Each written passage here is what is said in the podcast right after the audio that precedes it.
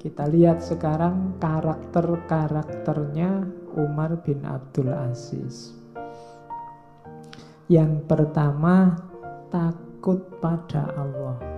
Banyak sekali cerita-cerita yang menggambarkan bahwa beliau ini orang yang sangat takut pada hari akhir akhirat, takut pada kemurkaannya Allah. Kalau pemimpin dasarnya sudah takut pada Allah, insya Allah tidak melakukan yang aneh-aneh, yang merusak-merusak, yang menyengsarakan, yang salah jalur. Jadi tidak ada yang ditakuti selain Allah. Itu pemimpin pasti kuat. Tapi kalau masih takut selain Allah, takut negara lain lah, takut miskin lah, takut pendapatan turun lah, takut masih banyak ketakutan yang lain, ada titik-titik lemahnya.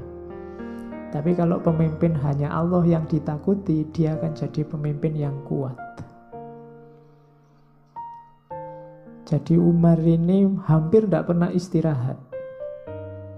Kalau pagi ya melayani umatnya, kalau malam dia seorang sufi yang suka berdua sama Allah. Suka munajat dan cirinya adalah beliau gampang menangis. Jadi hatinya lembut. Nah, yuk kamu cari pemimpin yang seperti ini besok.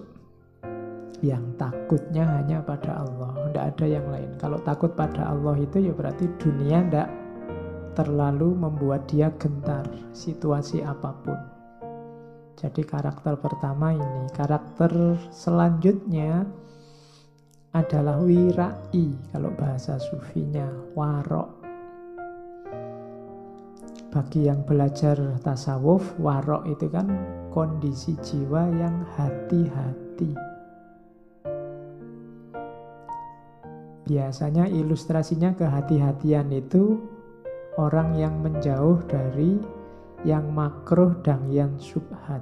Itu orang hati-hati. Makruh itu kamu ambil boleh tapi lebih baik ditinggal. Kalau yang subhat itu tidak jelas ini baik atau buruk.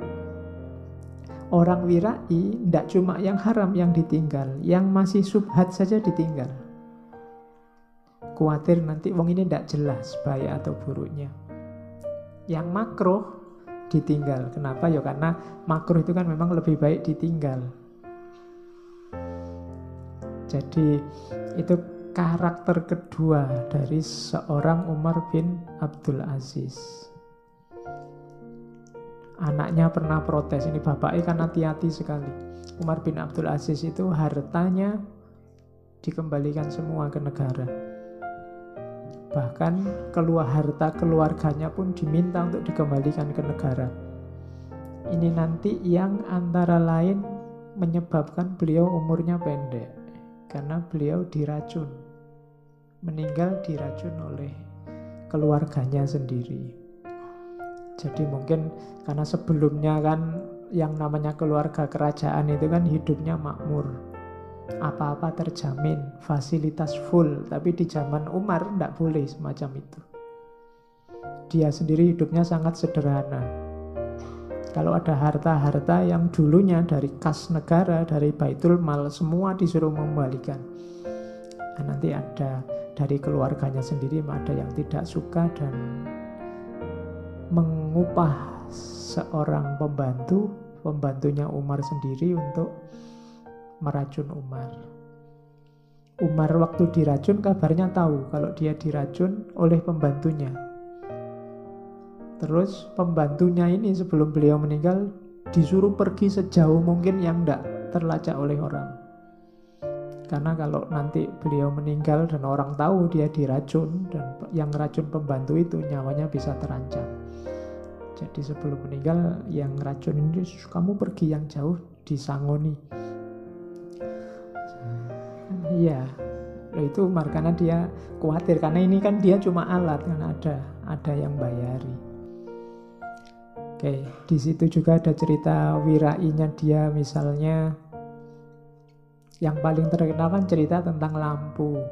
Beliau itu kalau kerja, kalau urusan negara ya pakai lampunya negara ndak apa-apa. Tapi begitu ganti urusan pribadi ya lampunya ganti.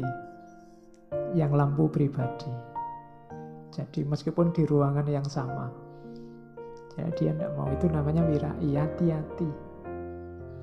Makanya anaknya protes. Karena kok makannya kok kita ini raja makannya kasar terus. Lebih enak temen-temennya. Ya, anaknya kan protes. Terus Umar bilang anakku apa kamu senang makan makanan lezat tapi besok bapakmu masuk neraka? Hmm. ini perlu dijadikan kata mutiara untuk yang berniat korupsi mikirnya jangan cuma sekarang kalau mau korupsi. Yo sekarang enak-enak, lezat-lezat, hidup nikmat, tapi besok masuk neraka. Dan jangan salah, akhirat itu lebih abadi, lebih panjang. Kalau orang cerdas pasti tidak milih itu. Oke, bahkan beliau suatu ketika ada cerita pingin apel, terus ada keluarganya, ah pingin apel kok ndak ngomong-ngomong dibeliin apel sak keranjang itu tapi disuruh ambil lagi. Ya terima kasih sudah dibelikan bawa pulang lagi aja ndak apa-apa. Nah terus ada yang tanya wahai Amirul Mukminin dikasih hadiah kan ndak apa-apa? Nabi dulu juga menerima hadiah. Jawabannya Umar ya hadiah kalau zaman Nabi dulu memang hadiah. Orang berterima kasih atas segala yang diberikan oleh Rasulullah. Tapi kalau orang ngasih hadiah saya itu bukan hadiah, pasti suap. Besok kalau dia butuh apa-apa, ini mesti diungkit lagi. Ini mesti disinggung-singgung lagi. Aku nolaknya ya susah karena sudah terlanjur terima. Seandainya ini tak terima, maka ndaklah. Itu namanya warok, wirai. Jadi yang meragukan saja tidak. Yang makruh saja tidak makro itu kan lebih baik tidak. Makanya di tempat saya di Maguwo itu dulu ada pusat perbelanjaan namanya makro. Sekarang ganti lotemat. Ya. Kenapa makro kok tutup? Karena tidak laku. Kenapa tidak laku? Namanya makro. Coba namanya jangan makro, sunnah apa wajib itu. Mesti banyak yang datang. Oke, itu juga banyak. Sebenarnya banyak cerita-ceritanya. Saya ambil beberapa ya. Suatu ketika dia pingin di, pingin air panas. Terus pelayannya masak di dapur umum. Dapur umum kan yang miliknya negara. Nah, terus begitu Umar tahu, loh ini wong saya yang butuh kok bukan negara yang butuh kok masaknya pakai fasilitas negara. Akhirnya coba dihitung tadi kayunya berapa yang dipakai setiap kayu terus dibayar oleh dia dihitung itu Umar bin Abdul Aziz. Jadi yuk kita geleng-geleng aja kan lihat. Yang semacam ini seolah-olah di negeri dongeng tapi kita pernah punya tokoh yang semacam ini. Kita jadikan benchmark. Siapa tahu di antara kalian nanti ada yang jadi khalifah. Nanti kalau Ya, jangan khawatir kalau jadi khalifah nanti tak bikinkan gelar yang panjang. Tak kasih gelar ngajinya di Sudirman Amirul Mukminin As Sudirmani Al Yogyawi. Ya, jadi biar gelarnya panjang. Oke, karakter yang kedua. Jadi diinget-inget besok kalau jadi pemimpin harus wirai mengedepankan kehati-hatian. Yang ketiga sederhana. Umar ini kebalikannya kalau dalam ceritanya. Sebelum beliau jadi khalifah ini hidupnya mewah. Beliau ini gubernur Hijaz. Mekah, Madinah. Tapi begitu jadi khalifah malah terbalik. Semua yang mewah-mewah diserahkan ke negara, beliau hidup dengan sederhana. Ada riwayat Abu Ja'far al-Mansur tanya kepada putranya Umar, berapa kekayaan ayahmu saat menjabat jadi khalifah? 40 ribu dinar katanya Abdul Aziz. Ja'far bertanya lagi, lalu berapa kekayaan ayahmu saat meninggal dunia? 400 dinar. Malah susut. Susutnya banyak. Katanya Abdul Aziz, ya itu pun kalau tidak kurang. Jadi hidupnya sangat sederhana. Ada cerita Umar ini satu ketika waktu sakit dijenguk oleh sahabatnya Mas Lamah masih keluarga bin Abdul Malik. Terus dia lihat ini khalifah bajunya kok kusam amat ya. Bajunya kelihatannya nggak ganti-ganti. Perasaan baju itu terus. Terus ditanya sama istrinya, apa ndak ada baju yang lain? Kasihan lah ini nanti banyak orang jenguk khalifah kok bajunya kayak gitu. Kata istrinya, demi Allah, aku ndak punya baju lagi selain yang sekarang dipakai beliau. bajunya cuma itu. Kalau mau cari yang lain mungkin ya setara aja dengan baju yang dipakai itu. Adanya cuma itu. Jadi bayangkan ada sultan khalifah bajunya tidak ganti-ganti. Jadi acara apa saja mungkin bajunya itu. Meskipun acara jalan-jalan, acara kenegaraan, acara anu ya podo itu semua. Nah, itu mungkin tidak terbayang di kita, tapi dulu ada. Dan itu ngalah-ngalahi kalian kan, kalian aja tiap kali mau ganti baju kan tidak mikir baju yang mana. Ya, kalau Umar mungkin tidak pakai banyak mikir, wong tidak ada yang dipikir, ya adanya cuma itu. Jadi di antara strategi biar kalian tidak boros pikiran itu punya apa-apa jangan banyak-banyak. Orang yang uangnya banyak kan mikirnya lebih panjang. Uangnya buat apa ini? Ini yang tidak punya uang kan tidak mikir. Yang dipikir cuma satu, cara nyari uang gimana. Ya. Jadi beliau ini sederhana. Makannya juga sederhana. Itu ada cerita Umayyah Al-Khoshi yang tanya waktu dia berkunjung ke rumahnya Umar, suguhannya kok cuma kacang terus sih. Apakah setiap hari Tuhan makan dengan kacang saja? Katanya Fatimah, ya wahai anakku, ya ini makanannya Amirul Mukminin itu. Amirul Mukminin makanannya cuma kacang adas. Itu namanya hidup yang sederhana. Jadi kalau hidupnya semacam ini kan rakyat juga percaya, mantep untuk mengikuti apa yang beliau perintahkan. Karakter selanjutnya Umar ini seorang yang egaliter. Bukti pertama apa? Zaman itu ada namanya mawali. Mawali ini biasanya orang-orang non-muslim yang masuk Islam tapi bukan Arab. Biasanya mereka dari daerah taklukan. Mungkin orang Persia, mungkin orang Yunani. Nah, ini zaman itu levelnya dianggap di bawah. Pokoknya yang level paling tinggi itu Arab. Yang bukan Arab namanya mawali dan mereka biasanya harus membayar namanya jizyah karena ada di daerah taklukan. Nah, di zamannya Umar, orang-orang Mawali ini disetarakan.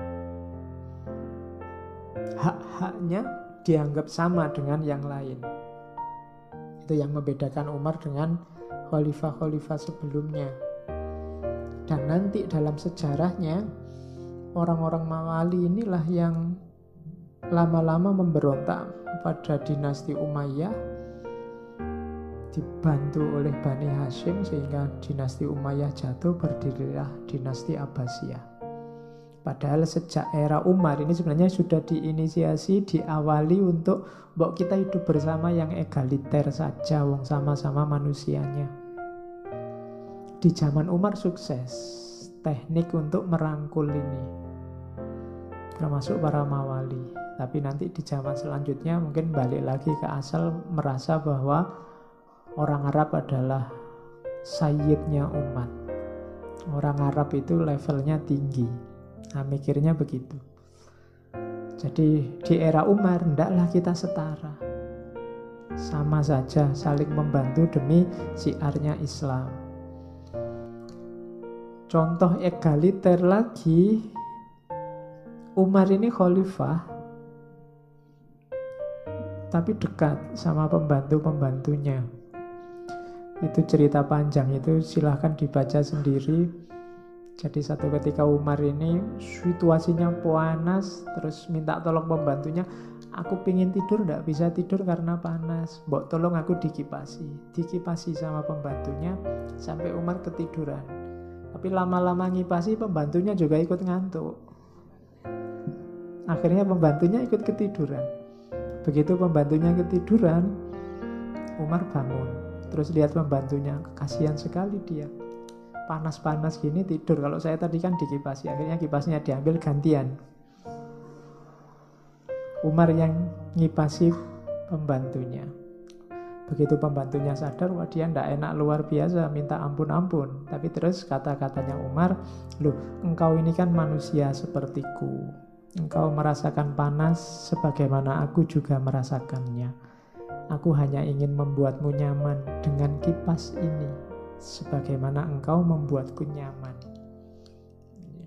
Jadi raja sama ya kalau sekarang mungkin ajudan-ajudannya. Jadi sifatnya egaliter, setara. Toh tidak jadi hina kan meskipun seorang khalifah ngipasi pembantunya. Orang justru menganggapnya mulia. Tidak masalah. Jadi itu karakter yang ingin dikembangkan oleh Umar bin Abdul Aziz. Orang kecil akhirnya semakin hormat sama beliau. Maka cari pemimpin yang egaliter. Berarti apa? Orang dari kelompok apa pun, suku apa pun, agama mana pun diperlakukan setara. Terus tawadu. Tawadu itu rendah hati. Cirinya orang tawadu apa? Tidak ingin terkenal. Tidak ingin menonjolkan diri. Jadi tawadu itu bukan yang kalau jalan terus sambil nunduk-nunduk. Tidak. Kamu kan sering kalau ada orang jalan permisi ya sambil nunduk. Wah tawadu sekali Uh, belum. Jadi tawadu itu ketika orang tidak mau menonjolkan diri, tidak menyombongkan dirinya itu tawadu namanya. Bisa sih tapi ya tidak pamer-pamer, tidak ada perlunya ditunjuk-tunjukkan. Ya kalau memang butuh ya ditunjukkan, tapi kalau tidak ya tidak usah tak pamerin. Nah itu namanya tawadu. Kalau sekedar gitu aja kecil, tapi ya tidak usah tak tunjukin lah buat apa sih dipamer-pamerkan nah itu orangnya namanya tawadu satu ketika Umar itu khutbah Umar ini dikenal orasinya bagus, pinter. Kalau ngomong misalnya tentang siksa neraka, banyak orang nangis. Nah, satu ketika beliau ini khutbah Idul Fitri. Mungkin karena khutbahnya sangat indah, banyak jamaah yang terharu, terhanyut, beberapa nangis. Nah Umar ini lihat, iki jamaah kok sama nangis semua. Tiba-tiba dia berhenti. Terus khutbah ditutup. Padahal itu masih setengah jalan. Terus ada seorang pejabat istana tanya Amirul Mukminin khutbah Anda itu kan membuat semua jamaah nangis terharu. Mereka ingin mendengar kelanjutannya. Kenapa tiba-tiba Anda berhenti? Aku tidak suka disanjung-sanjung dan dibangga-banggakan. Nanti kalau aku pulang mesti orang-orang bilang, wah khalifah khutbah sip. Ya kan? Kalau hari ini sudah di-share ke mana-mana sudah khutbahnya. Nah, itu makanya umat enggak ini kok orang mendengarkan khutbahku sampai segitunya ini harus berhenti ini nanti dipuji-puji aku itu Umar jadi kalau saya tiru sekarang lu kamu kok lihat aku ngaji segitunya ini harusnya berhenti nih nah ya sudah jam 9 biar nggak capek Oke. Jadi rakyatnya sangat cinta pada Umar sampai ada yang satu ketika Umar, saya akan berusaha besok kalau engkau meninggal akan kita usahakan dimakamkan dekat makam Rasulullah. Tapi Umar menjawab, tidak. Demi Allah, menghadap Allah dengan seluruh dosaku selain kemusyrikan lebih aku sukai daripada menganggap diriku layak mendapat penghormatan seperti itu.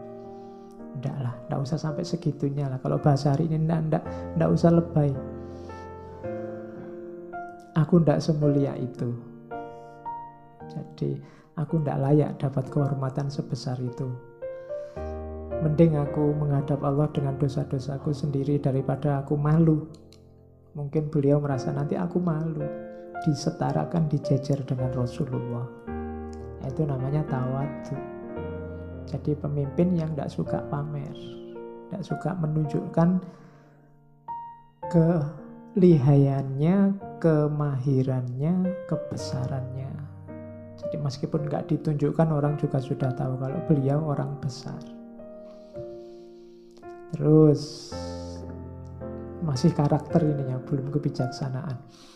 Karakternya selanjutnya yang terkenal beliau ini sabar, telaten, satu ketika anaknya, ayah sampean ini kan sudah jadi khalifah, ayo kita jihad, kita basmi semua kemusyrikan, kita basmi semua kemaksiatan.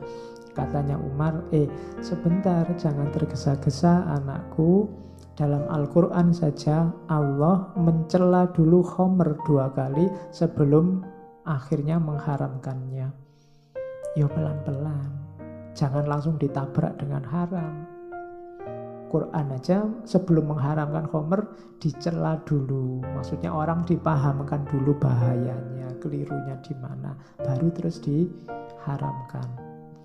Kalau aku membawa seluruh kebenaran kepada rakyat dan mereka harus menerima seluruhnya pula, aku khawatir hal itu justru akan menimbulkan fitnah. Kayak Sunan Kalijogo, kayak Sunan-Sunan Wali Songo itu kan waktu berdakwah ya kalau mereka mau semua kebenaran bulat-bulat dipaksakan pada umat Islam yang ada. Tapi kan enggak kalau dipaksa begitu mungkin rakyatnya malah lari pelan-pelan. Biarkan mereka pinter dulu biarkan mereka ngerti dulu terus baru ditunjukkan halal haramnya. Itu namanya telaten tidak kesusu meskipun punya power untuk itu. Jadi carilah pemimpin yang telaten dan sabar. Terus ini ada contoh. Jadi satu ketika anaknya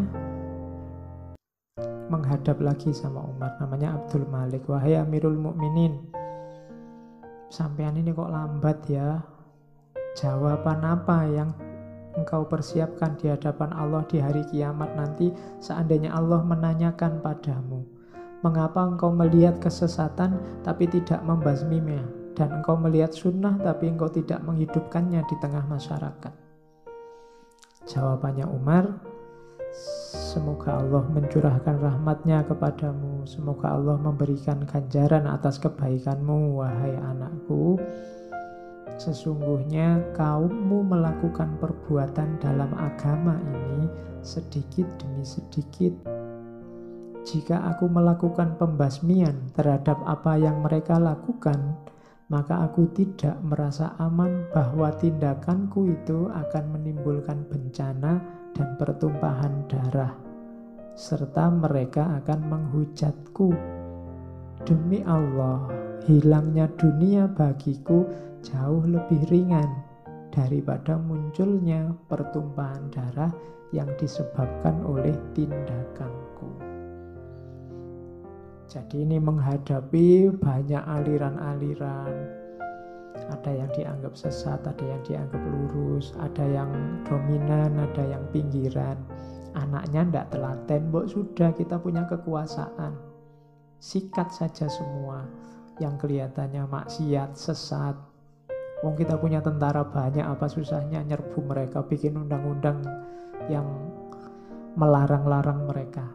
Nah jawabannya Umar eh sebentar anakku Ya kamu orang baik sih ya Pikirannya simpel begitu